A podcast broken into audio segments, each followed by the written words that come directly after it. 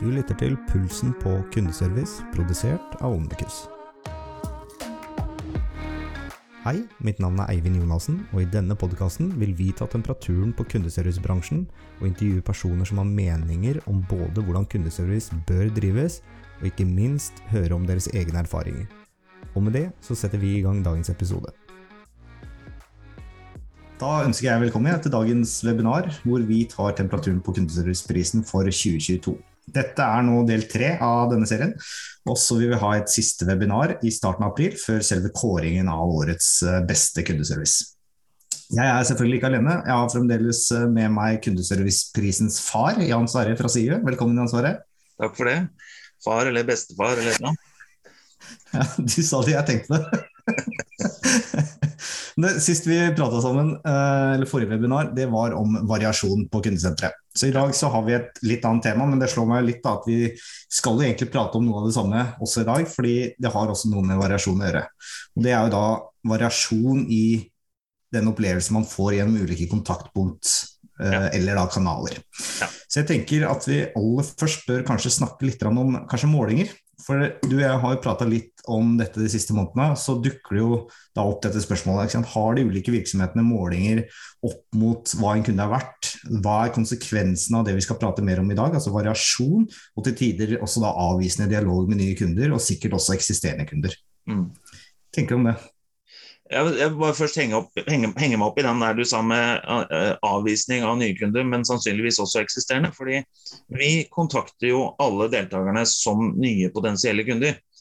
Uh, og så er det jo selvfølgelig en varierende del av de henvendelsene det kundesenteret får på en dag, som er nye kunder. Mange er eksisterende kunder osv. Eh, samtidig så tror jeg at den innsikten du får fra vår undersøkelse, den kan fortelle deg mye om hvordan det også er å være eksisterende kunde. Jeg tror ikke kundebehandlerne switcher atferd fordi de oppdager at det er en ny kunde. Jeg tror de, som alle oss andre, 80-85 eh, av det vi gjør hver dag, gjør vi på gammel vane. Så jeg tror de vanene vi ser, det er også en sannsynlighet for at det er de samme vanene du ser på eksisterende kunder. Mm. Um, og så er det selvfølgelig ikke helt likt, men det er noe det er noe jeg ville i hvert fall, Hvis jeg hadde vært leder for det kundesenteret som så en rapport hvor de ikke var helt fornøyd med alt, så ville jeg i hvert fall uh, undersøkt litt sånn, prøvd å observere osv. om hvordan det er når de snakker med, skriver med eksisterende kunder. Mm. Se da, Kjenner jeg igjen noe av det samme? Er det de samme tingene vi bør jobbe med? Er det de samme tingene vi er gode på? Og så, videre. og så er jo måling er jo det er veldig mye måling i kundesenteret. Det er, eh, det er helt sikkert. I hvert fall mulig å måle mye. ja. Eh, men så er det jo litt sånn eh, gammelt ordtak som sier at du får det du måler. Og da er det spørsmålet hva du måler. Hvis du måler ventetid f.eks., så er det klart da blir jo fokuset å ha kortest mulig ventetid. Og effekten av det blir jo kanskje også kortest mulig samtaler, og ikke nødvendigvis fokus på kvalitet. Og så har du jo en annen variant av den, som er måling av samtaletid. Mm. Og det er jo også et uh, fokus. Uh, og da vil det jo si at da er jo en kundebehandler opptatt av å Hvis du skal ha to minutters samtaletid, så er de opptatt av å ha to minutter, og ikke to og et halvt. Selv om den kunden trenger det. Selv om den kunden hadde hatt behov for litt mer info eller litt flere spørsmål eller et eller annet. Jeg ser jo Internasjonalt så er det veldig stor fokus på uh, den samtaletiden. Mm. Jeg opplever ikke det i like stor grad med de jeg prater med uh, i det daglige. Men opplever dere det gjennom disse målingene, at det, det virker nesten litt som at her har agentene litt for travelt? Du sa vel ordet i stad, da. Variasjon. For det er, eh, det er, det er, det er noen Det er noen uh, noen kundesentre, noen kontaktmåter som er ekstremt opptatt av det, kan det virke som. Eh, og så mm. vet jo ikke vi hvorfor de gjør det på den måten. Vi ser jo bare at det er sånn. Mm. Um, mens andre igjen uh, får mye skryt av at de tar seg god tid. Og om de egentlig tar seg god tid, eller om det er det at vi opplever at de tar seg god tid, det vet jo ikke vi. Men det er den følelsen de sitter igjen med, at de tok seg god tid til meg som kunde. Uh, og det er jo en positiv opplevelse. Og hvis god tid for én er et halvt minutt, og tre minutter for en annen, så er det jo det som er eh, jobben til kundebehandleren. Det er jo mm. en av grunnene til at den er så tøff. Ja. Mm. Og så er det jo sant, sånn NPS-målinger og uh, SMS-er som blir sendt ut etter at du har vært i kontakt osv. Uh, og, og det er jo fint. Du får en slags monitorering av hvordan ting ser ut. Uh, samtidig så er det jo veldig vanskelig for en vanlig kunde da, å forstå hvorfor var jeg fornøyd eller hvorfor var jeg ikke fornøyd. Det kan jo vært at jeg syns prisen var for høy, da, og så var jeg ikke fornøyd pga. det. Mm. Men det vet du ikke så mye om. Det er litt sånn når du går gjennom sikkerhetskontrollen på Gardermoen, og så kommer du gjennom der, og så står det en sånn trommemaskin hvor du skal trykke på rød eller grønn eller gul knapp og sånn, om du var fornøyd. Og det er jo fint, men hvorfor var jeg fornøyd, hvorfor var jeg ikke fornøyd, det er det jo ingen som vet. Nei. Og så er det jo en slags monitorering, men det, jeg syns i hvert fall det er veldig vanskelig å bruke det til noe konkret. Da. Og så er det mm. andre steder hvor det er vanskelig å måle på enkeltindivider, og det kan jeg jo forstå. Samtidig så er det jo viktig også for et enkeltindivid å få vite hva de er gode på, og hva de kan bli enda bedre på, og så få hjelp til å bli bedre på det. Og Det gjelder jo folk i kundesenteret og alle andre. Ja. Så det er, det er, jo, Du kan måle masse, men det er også hva bruker du det til, og hva slags innsikt får du egentlig fra mm. den målingen. Jeg er litt spent på, hvordan, hvordan har det gått siden sist? Har du noe å vise i dag, eller? Vi har i hvert fall kommet mye lenger. ja. Hvor mange målinger har dere ikke, gjennomført til nå? Jeg har ikke det nøyaktige tallet, men eh, et sted mellom 3500 og 4000 eh, samtaler. Og det er totalt 4400? 4800 skulle 4800. vi Ja, Da er vi snart i mål, da. Ja, det nærmer seg i hvert fall. Det, men det er jo også et veldig spesielt år i år. Eh, på mange måter. Det var jo spesielt i fjor òg. Men, men eh, eh, når jeg snakker med kundesentre rundt omkring, da, så er det jo mange som snakker om det at før korona så kom liksom bølgene som de pleide. Da var det liksom det var håndterbart da, i forhold til bemanning og i forhold til mm. trafikk osv. Da var det liksom Du kunne ha planen fra i fjor, den kunne du omtrent bruke i år. Eh, sånn har det jo ikke vært det siste året. For disse bølgene de kommer jo fra alle retninger eh, til alle tider, og eh, gjerne når de ikke skulle. Ja, jeg prater også med noen som sier at vi, vi har høysesong hele tiden, vi nå. Ja. Så det er tydelig at liksom, Det er kanskje spesielt innenfor netthandel, da. Men uh, det er liksom sånn, ja nei, den bølgen den er konstant. Ja. Det gir seg ikke. Det, det, setter jo andre krav da, til ledelse, ikke minst. Og mye av det vi opplever, tror jeg handler om ledelse i en eller annen form. Mm. I, Eh, resultatet du får, da, uansett hva du snakker om, det er jo alltid summen av to ting. Det er summen av de prestasjonene du gjør innenfor de rammebetingelsene du har. Og I et kundesenter så er det jo de folka du har, de systemene du har, de produktene du har, løsningene osv., og, så og de kundene du har. Og så er det jo noen ganger man kan ønske seg andre ting enn det man har, men det er nå engang det du har, da. Så hva gjør du med det? er jo egentlig det store spørsmålet. Mm. Og det som jeg tror en del kundesentre bør jobbe mer med. Og så eh, ser jo vi og, og hører også om kundesentre hvor de faktisk jobber på den måten. da. Hvor de hele tida ser på hva de gjør og hvordan de kan gjøre det, og involverer medarbeidere og mellomledere osv. i strategier, i eh, arbeidsmetodikk osv. for å få eierskapet helt ut. Så det er mange, mange måter å, å tilnærme seg disse utfordringene på. Mm. Men ja, jeg har sett litt på eh, hvordan eh, det ser ut.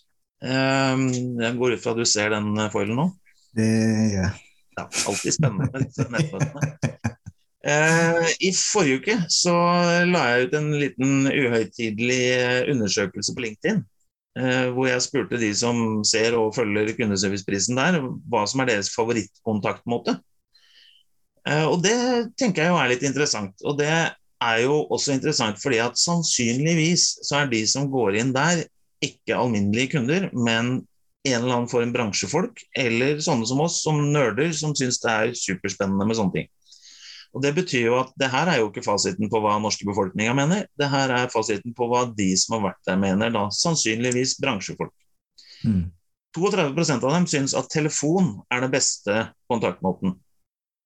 Og Det er jo veldig motsatt av den norske befolknings bruk, da, i hvert fall. Det ligger vel i, fra Qatar sine målinger i fjor, tror jeg, så, så tror jeg telefoni er 52 mm. Så det er, det er milevis unna. Og så var det e-post, da. Uh, og jeg lurer litt på hvorfor bare 8% syns det er en, en god måte. Uh, for jo, de aller fleste har jo e-post tilgjengelig for kundene. Mm. Men det er jo tydeligvis noe de ikke er så glad i sjøl. Uh, og det kan jo påvirke resultatene. Mens chat, da, det er 52% av de som svarte her. I denne selvfølgelig veldig statistisk signifikante undersøkelsen. Eh, men det betyr jo at over halvparten av de som har svart på denne undersøkelsen, her, syns at chat er den beste måten. Og da lurer jeg på hvorfor. Mm. Er det de opplever, tenker, føler rundt det å ha chat? Er det kanskje fordi at de er profesjonelle chatbrukere? At de vet du skal, hvordan du skal øh, samhandle med en chatbot, f.eks. For, for det er jo ikke alltid like intuitivt, kan vi vel si. Tipper det kommer fra digitaliseringsbransje. Det kan være. Eh, og Eh, det er, det er jo, når chat fungerer, så er det jo helt supert. Mm. Eh, men så er det jo det å få det til å fungere, da. Eh, og så har jeg vel, og vi snakka om flere ganger, at Messenger det er en del som skal slutte med. Og det ser jo sånn ut nå, for det er bare 8% som syns det er en bra måte. Mm. Og det, det, det, det, sier litt om hvor om tingenes tilstand, tenker jeg. For det er jo ikke forskjell på chat og Messenger, egentlig. Det er, det er, tekstbasert kommunikasjon, men det er jo da måten bedriftene håndterer det på, som ja. gjør at det blir stor variasjon på hva som blir favorittkontaktmåte. For i mitt hode så kunne de to tingene vært slått sammen til én, fordi det er ett og samme egentlig. Sånn fra teknisk side ja, ja. så er det det. uh, og så opplever jo vi det veldig forskjellig. Mm. Uh, og det, sant, som du sier da, teknisk sett så er det egentlig det samme vi driver med. Praktisk sett så er det en fullstendig annen opplevelse. Uh, og og jeg lurer jo litt på, jeg vet ikke, men jeg lurer på om det kan handle om det, at vi er vant til å bruke Messenger på en annen måte enn chat. Det er veldig få som chatter med hverandre, med venner og familie og sånn, eh, på fritida. Mens Messenger er jo noe vi bruker til å sende en tommel opp uh, om at det er på vei eller et eller annet. Mm. Uh, så vi har en annen måte å kommunisere på Messenger sånn i utgangspunktet. Og så er jo da spørsmålet om vi tar med oss den litt kjappe, enkle, private måten inn i den eh, offisielle, forretningsmessige dialogen, mm. så kan det være en av grunnene til at det ikke går sånn kjempebra. Eh, men det vet jeg ikke, men det er noen hypoteser jeg har rundt det der. Eh, og, og, som sagt så er det, det er noen som bør slutte med det. Eh, her om dagen så leste jeg en kommentar hvor beskjeden var eh, her. Da var det en link. Eh, se på det sjøl. Ja. Var det? Det kan jo hende at det var riktig. Eh, men, men liksom, opplevelsen av det blir jo litt sånn kjip. Du føler deg ikke veldig verdifull som kunde. Nei, det, det, er sånn jeg kunne sendt en kompis på Messenger. Her. Så det blir litt det du sier, at uh, man tar med seg den der uh, dialogen man har på privaten inn i bedriftssiden, og så blir det bare utrolig dårlig opplevelse ut av det. Ja. Og så er det noen som lykkes veldig godt med det. Som klarer, det, som klarer å, å, ha en veldig god dialog på Messenger. Mm. Eh, så det er jo igjen, Jeg tror det handler litt om det som vi var litt inne på i sted òg, med måling. Eh, fordi målingene de viser jo også litt hva man fokuserer på. Eh, og hvis man fokuserer på effektivitet f.eks., så er det også et eller annet, da får man noe med det. Og så har vi sånn Chat og Messenger i utgangspunktet veldig veldig likt, men svartid på de to er ekstremt forskjellig. Ja.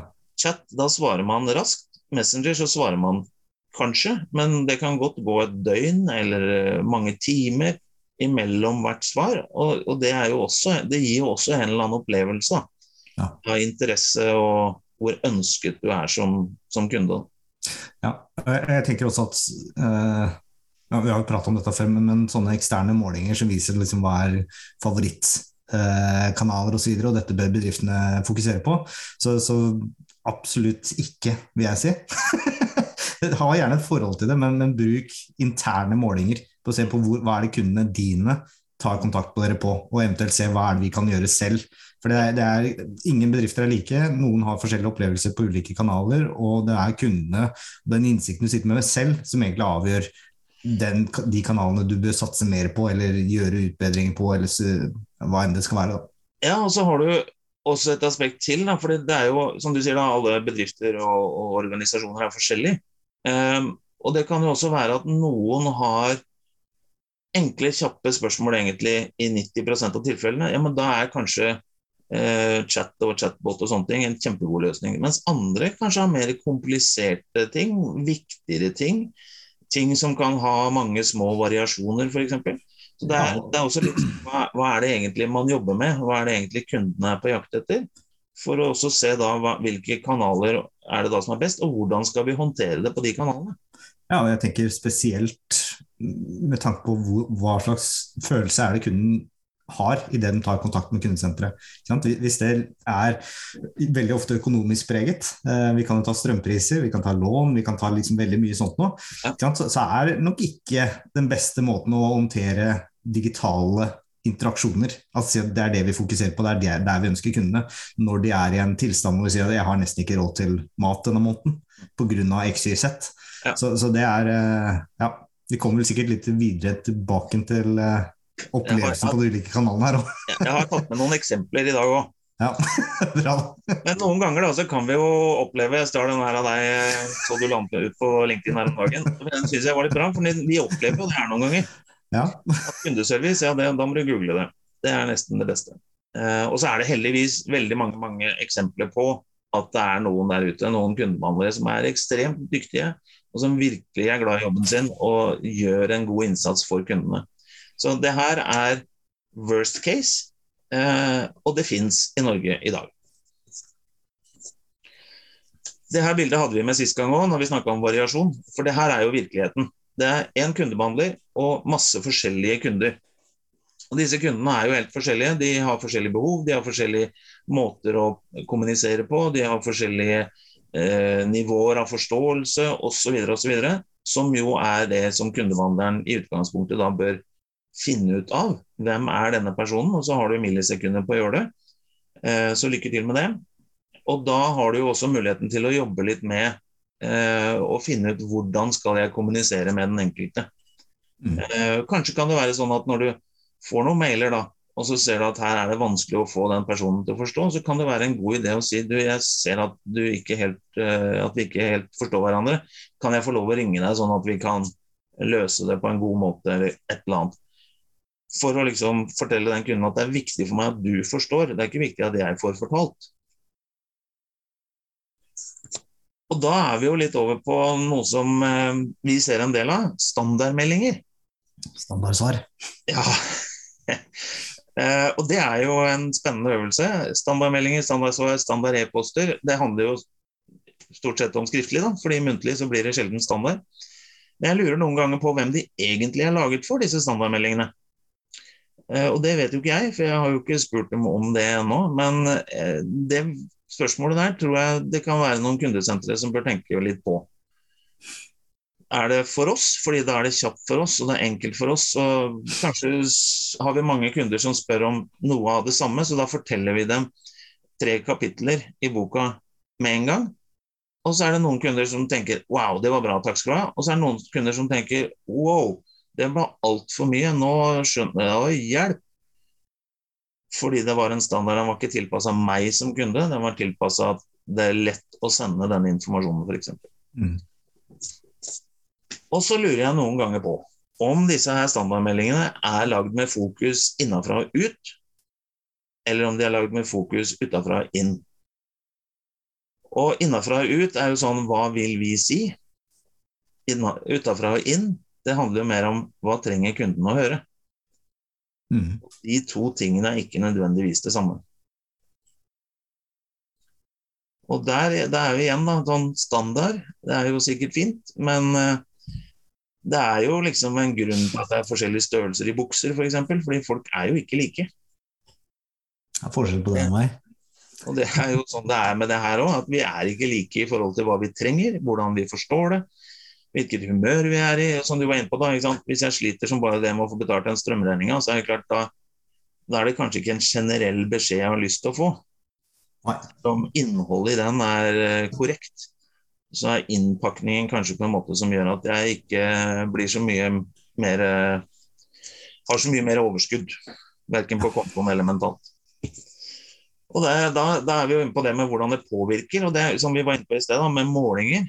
Hvordan måler vi egentlig hvordan en standardmelding påvirker? Hva vet vi om det?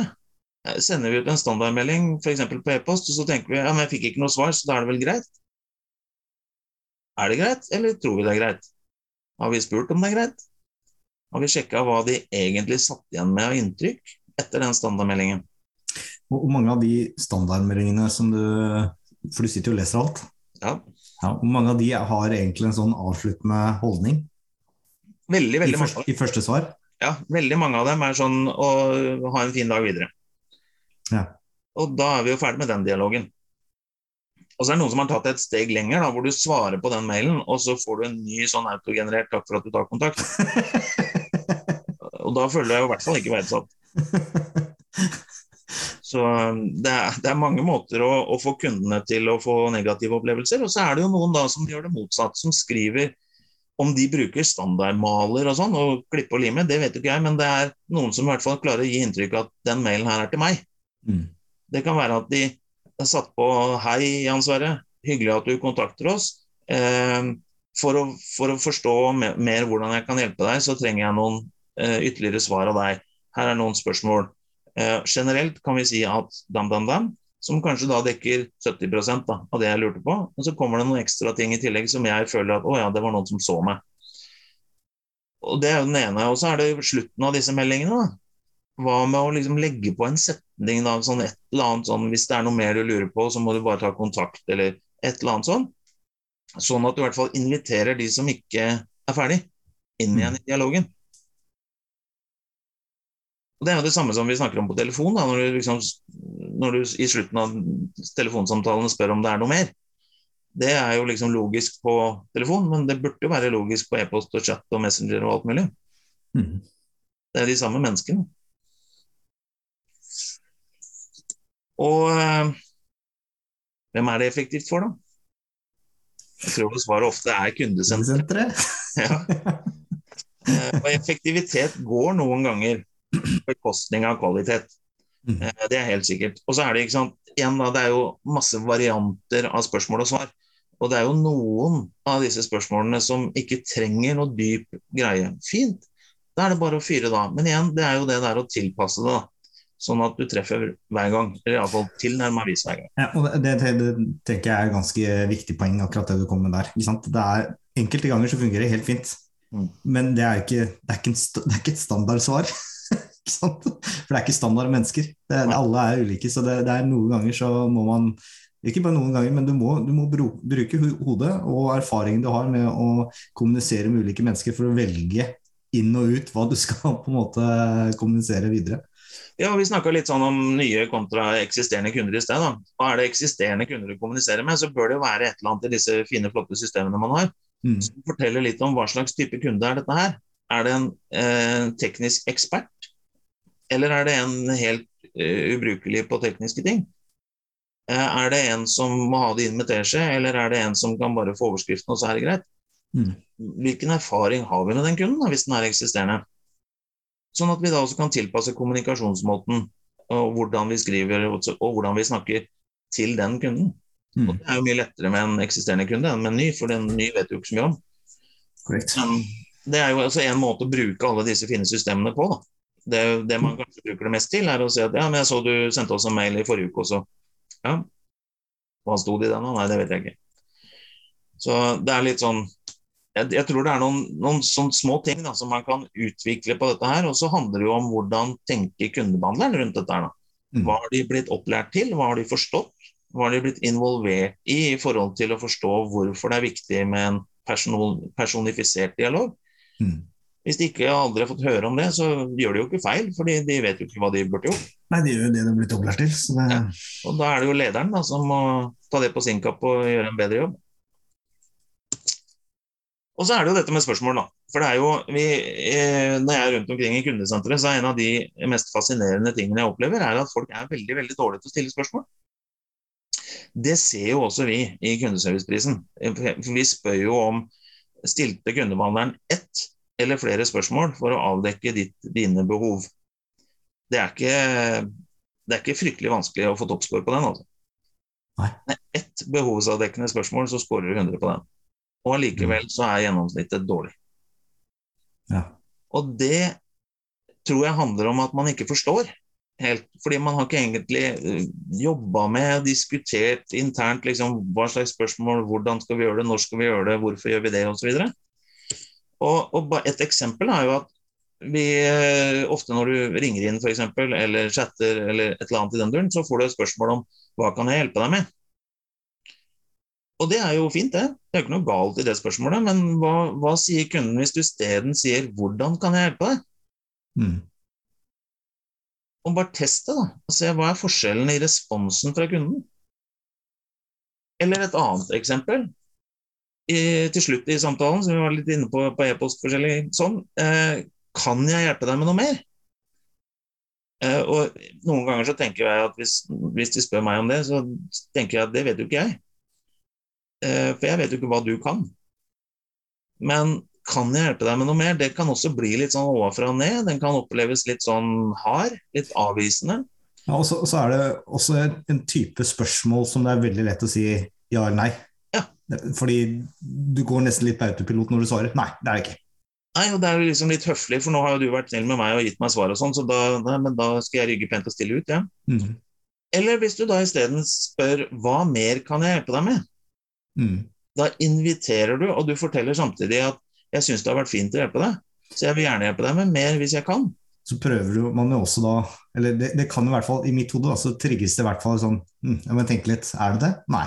Det tror jeg. Jeg tror alt er greit. Eller ja, nei, du, én en ting til, faktisk. Og hvis, da, hvis svaret er at nei, men nå tror jeg jeg har fått svar på alt, så oppnår du to ting. Det ene er jo at kunden har fått det spørsmålet, så det er jo, den er jo bra. Men i tillegg så forteller kunden seg selv at de har fått alle svar. Mm. De bekrefter overfor seg selv og deg at nå er de fornøyd. Altså er de mer sikre på at de er fornøyd. Og det er jo en effekt, da. Men det er jo Mm. ting man kan teste og se liksom hvordan virker det hos oss. Fordi alle kundesentre er litt forskjellige. Alle produkter, tjenester, løsninger, hva man nå jobber med, er forskjellig. Så hvilke spørsmål er det som fungerer best i vår verden? Da? Fra kundens perspektiv. Ikke fra vår, fordi vi bare skal ha dem ut sånn at vi får inn flere og kan nå effektiviteten vår. Det ser ut som eh, vi har en, ei som har rekt opp en hånd. Skal vi prøve å se om Elisabeth Har du noen ting du lurte på?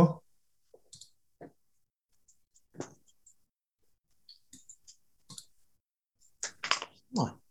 Nei. Greit, da var det sikkert et feiltrykk.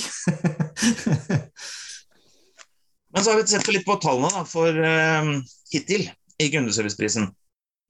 Uh, og da har jeg tatt med totalen, som jo er liksom gjennomsnittet av alt. Og gjennomsnittet er jo fint, for det fins jo ikke. Eh, hvis jeg har en opplevelse som er bedre enn gjennomsnittet, så er det min opplevelse. Hvis jeg har en som er dårligere enn gjennomsnittet, så er det også min opplevelse. Så den gjennomsnittlige opplevelsen, den, den eksisterer jo ikke for noen kunder, sannsynligvis. Men totalscore på de prestasjonsområdene mottak og velkomst, kundebehandleren og totalinntrykk, den har jo en litt interessant trend. For det starter bra, og så synker det utover. Og jeg lurer jo litt på hva det kommer av. Og, og hvis jeg drev et kundesenter med disse resultatene, så ville jeg jo forsøkt å liksom se hva er det som skjer på veien her. Hvordan kan vi forbedre det totalinntrykket? Hva kan vi gjøre for at de opplever seg mer verdsatt? At de opplever effektivitet, selv om det ikke nødvendigvis er at det går fort. Men at det er effektiv informasjon, og jeg får den informasjonen jeg trenger, osv. Det, det er noen ting der som jeg syns er litt interessant. Og så ser vi at de beste veldig ofte har den samme scoren omtrent hele veien igjennom. Mm. Så da må det være et eller annet annet de gjør. For det her er jo resultatet av atferden, av de prestasjonene som blir levert. Og så er det jo telefon, da, som ikke så mange av disse proffene, skal vi kalle det eh, har som favoritt. Den scorer jo høyt, da. Så kundene er nok sannsynligvis mer fornøyd med telefon sånn i gjennomsnitt i Norge enn en andre kanaler. Eh, og det er jo også et poeng med det er jo å gå inn og se Hvis det her er din score i kundeserviceprisen på telefon, så vil jeg jo gå inn og se hvorfor er det det. Hva er det vi er flinke til? Hva er det vi lykkes godt med? Hva er det vi leverer hver gang? Hvordan gjør vi det? Og så se hvordan kan vi flytte det over på en annen kontaktmåte som vi kanskje ikke er så gode på. Er det noen av de tingene vi gjør som vi får bra tilbakemelding på, som vi kanskje skulle begynt med på e-post eller chat eller Messenger, hvis vi nå fortsatt har det. Og så har vi e-posten, da. Også den er veldig, ofte veldig hyggelig i starten, og så ramler den også utover. Og Det kan ha noe med det at det er lett å sende den der første med all mulig info, og så takk for meg. Ja. At du da liksom mister litt av den gode følelsen underveis, da. Og så har vi chat, som da 52% av disse proffene syns var den beste. Våre folk er ikke helt enig i at det er den beste. Der eh, er starten sånn grei. 75,8 i vår verden er jo sånn greit. Det er ikke noe å være kjempestolt av, men det er, det er ikke helt forferdelig heller. Men så faller den også. Og så kom vi ned på 60-tallet i totalinntrykk. Ja, og jeg, jeg tenker her at én uh, ting er jo disse proffene fra denne LinkedIn-undersøkelsen sier 52 da prefererer det. Mm. Og, og, det kan godt være riktig, men opplevelsen ja. når de tar kontakt med bedriften, den er jo ikke i nærheten. Nei, og det, er, det handler jo også om forventninger. Da. Hvilke mm. forventninger har du som kunde eller proff eh, når du kontakter et selskap på chat, eller på telefon, eller på e-post? Hva er mm. det du ønsker å få ut av det? Hvor gode er vi til å avdekke disse forventningene og behovene, og så fylle på på de stedene, og ikke på alle andre steder. Og, Hvis du er kundebehandler, så er dette her kanskje, kanskje gang nummer 48 i dag du har svart på akkurat det samme spørsmålet. Det er veldig lett å tenke at den kunden har akkurat de samme behovene som alle de andre 47. Mm. Men det er ikke sikkert. Og det er en tøff jobb, altså. Det er en veldig mm. tøff jobb å holde det fokuset på hver eneste samtale eller dialog. Og så har vi Messenger. Ja. ja. Enda bedre, se. ja, men det er jeg, er jeg, er jo innimellom så er jeg sjokkert over det som kommer på Messenger rundt omkring. Eh, og det kan umulig være god kontroll på Messenger-dialog på alle kundesentre i Norge. Det, kan, det, kan, det være at ikke alle kundesentrene egentlig har ansvaret for det? At det, det kanskje sitter Jeg skal ikke henge ut markedsavdelingen, Nei, men, men, at det er markedsfolk som kanskje sitter og svarer på det i stedet? Det kan godt være. Og, og da er det jo igjen er det innafra og ut eller utafra og inn. Mm. Utafra og inn, Sånn som vi gjorde i høst. så gikk vi rundt på alle hjemmesider og alle Facebook-sider og så hvilke kontaktmåter er tilgjengelig for nye kunder her. Mm. Og da fant vi x antall Messenger, vi fant x antall kontaktskjemaer og e-postadresser og chat og chatboter og alt ja, for, for, da har dere sett på hjemmesiden at de tilbyr Messenger som del av kundeservicen? Ja. ja. ok, Nei, da er det ikke noen unnskyldning. Da skal det da, ja, også, og det likevel, da, Fordi sånn, Det er det noen som har Messenger på hjemmesida, men også på Facebook. Da, så går man inn der, og så, så står det sånn kontakt oss-knapp. Trykk på den, så kommer du på Messenger. Kjempefint. Det er praktisk og enkelt å få tak i. Men så kan det være da at det ikke går til kundesenteret. At det mm. går til en annen avdeling i det selskapet som ikke har det samme fokuset da, på å svare den type henvendelser. Mm. Det kan godt være. Men da, hvis man da tar det utafra og inn-perspektivet, så vil man jo kanskje se at hm, kanskje vi skulle gjort det her på en annen måte. Eller så kan man jo gjerne ha det på den måten, for, for min del. Men da er det jo litt kjipe kundeopplevelser som man leverer. Jeg regner med du har noen eksempler på det? da? Ja da. Så har jeg plukka ut noen sånne ting som vi tror er eh, vesentlig. F.eks. da interesse, eh, eller vår opplevde interesse hos kundemannen. Og hvordan vi opplever kommunikasjonen. Og hvordan vi opplever det om de stiller spørsmål, og om de er engasjert i oss. Og det her er totalresultatene. Så, som jeg sa med stille spørsmål, da, det er merkelig hvor vanskelig det skal være. 64,6 er en mm. dårlig score. Da er du på et sted hvor du får negative kundeopplevelser. Ja. Du la ikke noen ting imellom der, følte jeg. Det er dårlig, rett og slett. Og så har du jo da engasjementet, da. Det opplevde engasjementet. ikke sant? 75,7. Ja, men det kan nok være at det henger sammen med eh, til tider manglende spørsmål. For du, du, opplever en person mer engasjert når de stiller spørsmål til deg, når de er interessert mm. i deg. Så det kan være at det å begynne å stille mer spørsmål, gode spørsmål, ikke bare stille spørsmål, men å stille noen gode, relevante eh, spørsmål, så får du en annen opplevelse av engasjementet, og så blir mange andre ting i den dialogen også bedre.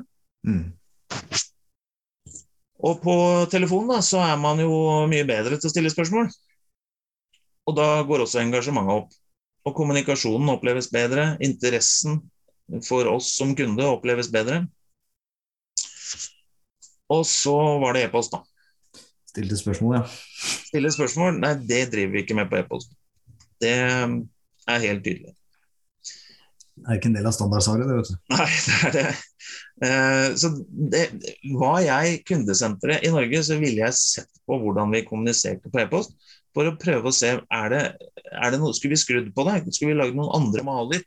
Mm. Eh, som kanskje var litt mer fokusert på kundens eh, ønsker enn hva som er smart for oss. Og på chat så er det jo litt flere spørsmål, og det er jo bra. Men det er jo fortsatt på et veldig lavt nivå. Og det betyr jo også at engasjementet da, er ganske dårlig. Eller den opplevelsen av engasjerte kundebehandlere, den eh, kommer ikke helt igjennom. Nei. Og så er jo også interesseopplevelsen da, er veldig forskjellig fra telefon, f.eks. Mm. Og hvis vi da antar at det er de samme kundene som kontakter på telefon og chat, som lurer på litt av de samme tingene, så er det en veldig stor forskjell på den opplevelsen i gjennomsnitt. Det er jo ikke så rart. Utrolig vanskelig å kommunisere skriftlig. Det er det. Du mister så mye av kommunikasjonsmulighetene dine, verktøyene dine. Så det krever mye mer. Gjør det. Og så til slutt da Messenger. Det er jo like dårlig på å stille spørsmål eh, som på e-post. Mm. Og interesseopplevelsen er jo også veldig, veldig dårlig. Og så er det igjen da noen som er veldig gode, og så er det da mange som er veldig dårlige. Så det her er jo noe som Var jeg et kundesenter, hadde jeg ansvar for et kundesenter, så ville jeg ha sett nøye på disse tingene. Fordi disse kundene har også venner. Mm. Eh, det er veldig kort vei fra Messenger til Facebook, f.eks. Har jeg en god opplevelse, så er det fort gjort å snakke om den på Facebook. Har jeg en dårlig, så er det også veldig fort gjort.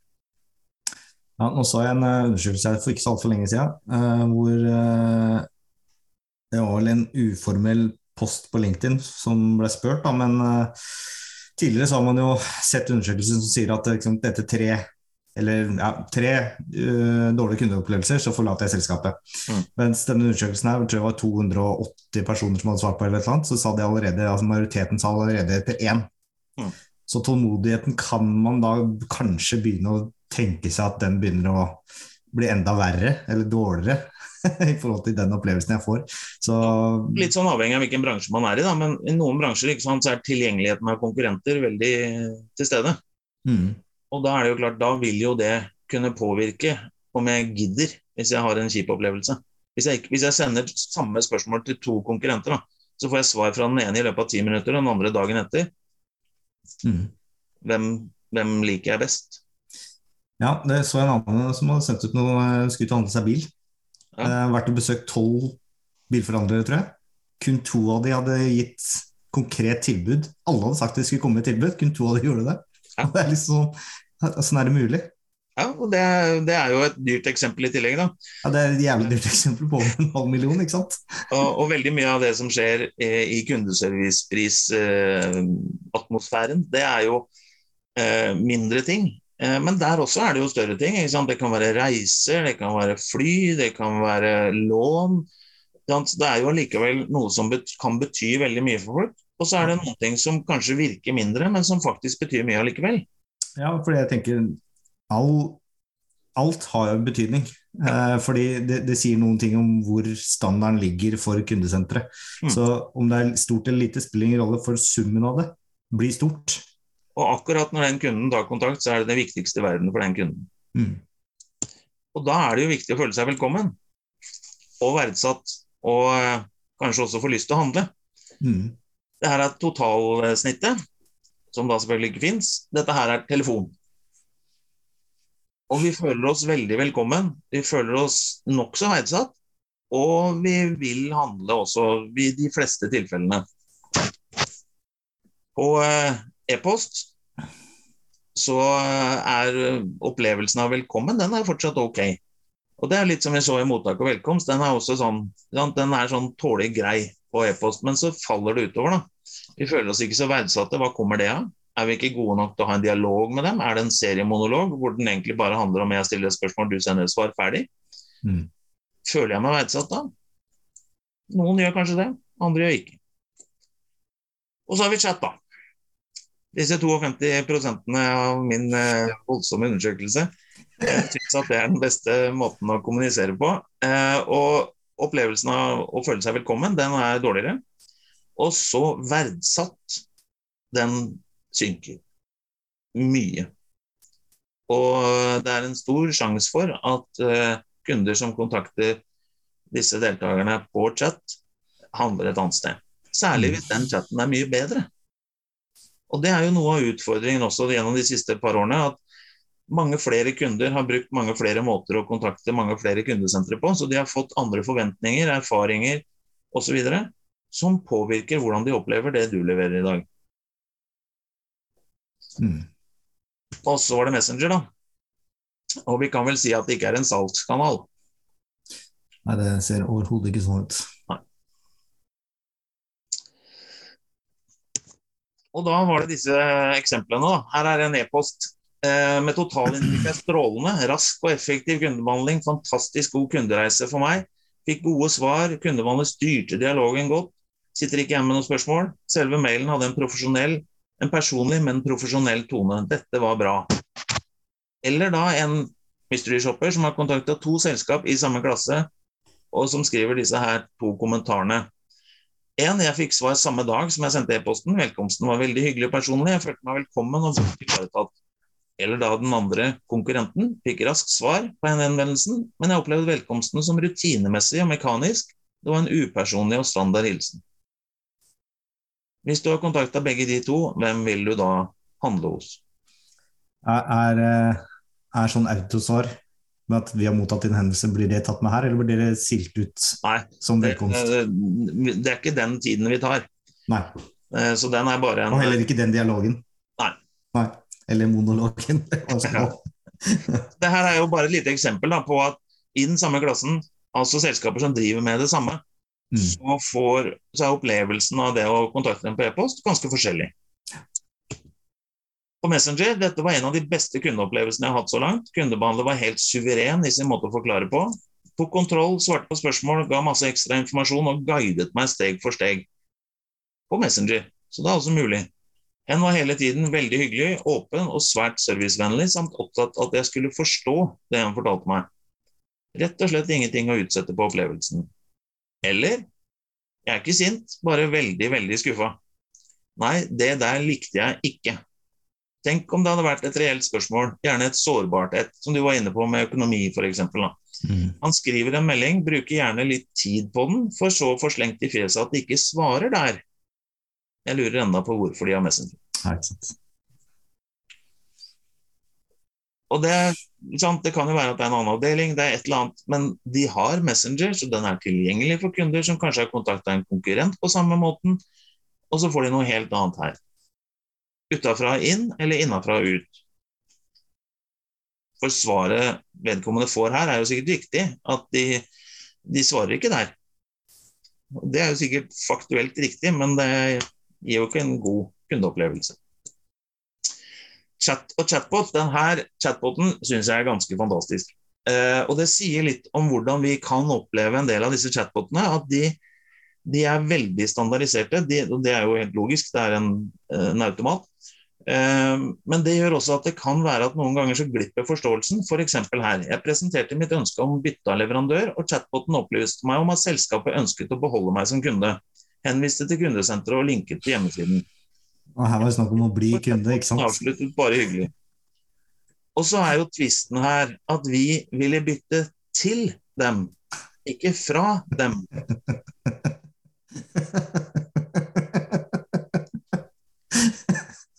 Så.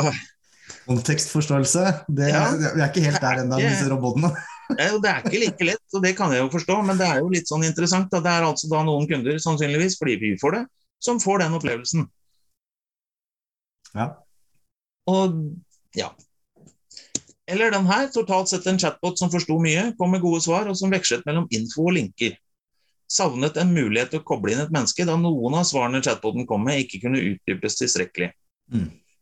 Men generelt veldig godt fornøyd med den. Og det er noen chatboter òg som, er- som får masse skryt, og så er det noen som ikke får det.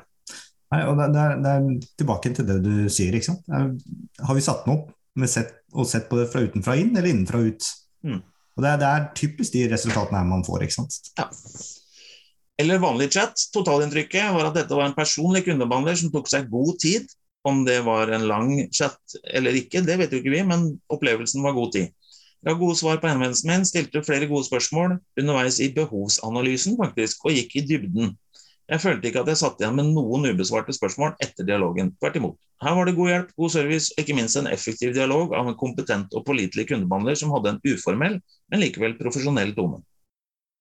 Mm. Det er kjempebra. Det er da en kundebehandler som har levert dette her på chat. Og det her vil du ikke få vite hvis du sender ut en SMS i etterkant. Nei, ikke hvordan har opplevd, bare at du har fått en score. Ja, at det var bra. Eh, Mm. Så du fikk en høy score, men du vet jo ikke hvorfor det var det. Eller da, dette er tredje året mitt som mystery shopper, og jeg har aldri noensinne opplevd en sånn atferd mot kunden som ble utvist av denne kundebehandleren i dag. Ikke så positivt, med andre ord. Bare det å avslutte en samtale og kaste kunden ut av chatten før kunden er ferdig, er helt uforståelig. Men også at han ikke engang får beskjed om at kundebehandler føler seg ferdig, er utrolig uprofesjonelt. Mm. Det er ganske langt imellom de to opplevelsene på chat. Telefon, da. Som, eh, nå har jo ikke jeg svart på den undersøkelsen min, men det er jo min favoritt. Eh, Og det her er jo en av grunnene til det. Fordi dette var en helt strålende kundeopplevelse. Kundebehandler var intenst engasjert i meg som kunde og de tingene jeg henvendte meg for. Var proppfull av kunnskap og jovialt humør. Da får vi med hele kommunikasjonen, vi får med alle deler av den. Altså er det mye lettere å få kunden å oppleve jovialt eh, humør, f.eks. Mm. Det var ikke en ting jeg stilte spørsmål om som ikke kundebehandleren hadde kontroll på. Alt kunne utbroderes. Jeg satt igjen med mer kunnskap om produktene og hva som er lurt å velge, enn jeg noensinne får igjen. Og i tillegg ble jeg i svært godt humør. Det, ja, da, da har opplevelsen vært god. Jeg vil aldri få dette her igjen. Og tenk Ja, hvor gøy det må være å være den kundebehandleren. Mm. Og jeg vet jo ikke hvem det er engang, men eh, tenk da så gøy det må være å være leder for en sånn kundebehandler og kunne fortelle den kundebehandleren hvor gode de faktisk er. Mm. Da er det gøy å gå på jobb for begge to. Eller da har jeg opplevd at kundebehandleren var opptatt av meg som kunde, men at hen kunne spurt noen flere spørsmål og dratt samtalen mer enn han gjorde. Jeg følte det at det nesten ville kunne bli en slags pinlig stillhet hvis ikke jeg hadde stilt flere spørsmål og forklart mitt behov. Ja. Engasjement, initiativ, interesse. Nullstille seg fra forrige samtale. Mm. Det var dagens epistel fra kundeserviceprisen. Seks minutter over tida, det. Ja. ja, det er bra, det, Jens Are. Så nå har vi Det her er jo foreløpige resultater, så det kan jo endre seg. Det er jo mange muligheter igjen. Eh, og, og noe av det som er viktig for meg, nå er at det er ikke egentlig vinnerne som sånn sett er det viktige. Det er kjempegøy å vinne, og de skal ha all mulig ære og applaus og sånn for det. Men det som er det aller, aller viktigste med kundeserviceprisen, og hovedgrunnen til at vi jobber med det, er jo det at vi får masse innsikt om hvordan kunder opplever kundebehandleren Mm. som kan brukes til å premiere dem og gi dem applaus, men som også Mm. kan brukes til å fortsette den utviklingen. Fordi verden rundt oss står ikke stille, så noen konkurrenter jobber kanskje med det. Hvis man da ikke gjør det sjøl, så blir man jo frakjørt. Ja. Eh, Og hvis de andre ikke gjør det, så kan det jo være lurt å gjøre det sjøl, for da er man jo langt i forkant. Ja, og jeg prata med ei her på tirsdag som, eh, som har ligget i toppen før, og gjør det sikkert i år òg. men men eh, jeg spurte liksom hvor høyt henger den kundeserviceprisen, og, og det, det er en, en morsom måling, men det aller viktigste for oss, i hvert fall sånn jeg husker samtalen, var at de var mest opptatt av å slå seg sjøl fra år til år. Mm. Sant? Og det, det tenker jeg det, det er et, et god målsetning for flere. Ikke sant? Fordi du kan kontrollere sjøl på dine egne prestasjoner, men du kan ikke kontrollere hva andre bedrifter gjør. Nei. Så hvis man på en måte har et mål i seg selv om å bare slå seg sjøl fra året før, så tror jeg man på en måte kan uh, klappe Uansett, da, vil man kunne mulighet for å klappe seg sjøl på skulderen. Mm. Ja, og um, i år så kommer det jo også noen flere nyheter i, uh, i forbindelse med kåring og, og uh, rapporter osv. Så, videre. så det er bare å henge med, for det, vi, vi er ikke ferdig ennå. Vi dekker det i neste webinar, eller? Ja, vi får se. Fortelle noen nyheter der. Ja, ja, det blir bra. Kjempefint. Så da sier vi bare takk for i dag, da. Ja, og lykke til til alle deltakerne i Kundeserviceprisen. Lykke til til absolutt alle sammen. Så snakkes vi igjen i starten av eh, april, forhåpentligvis. Ha det godt. Ha det bra.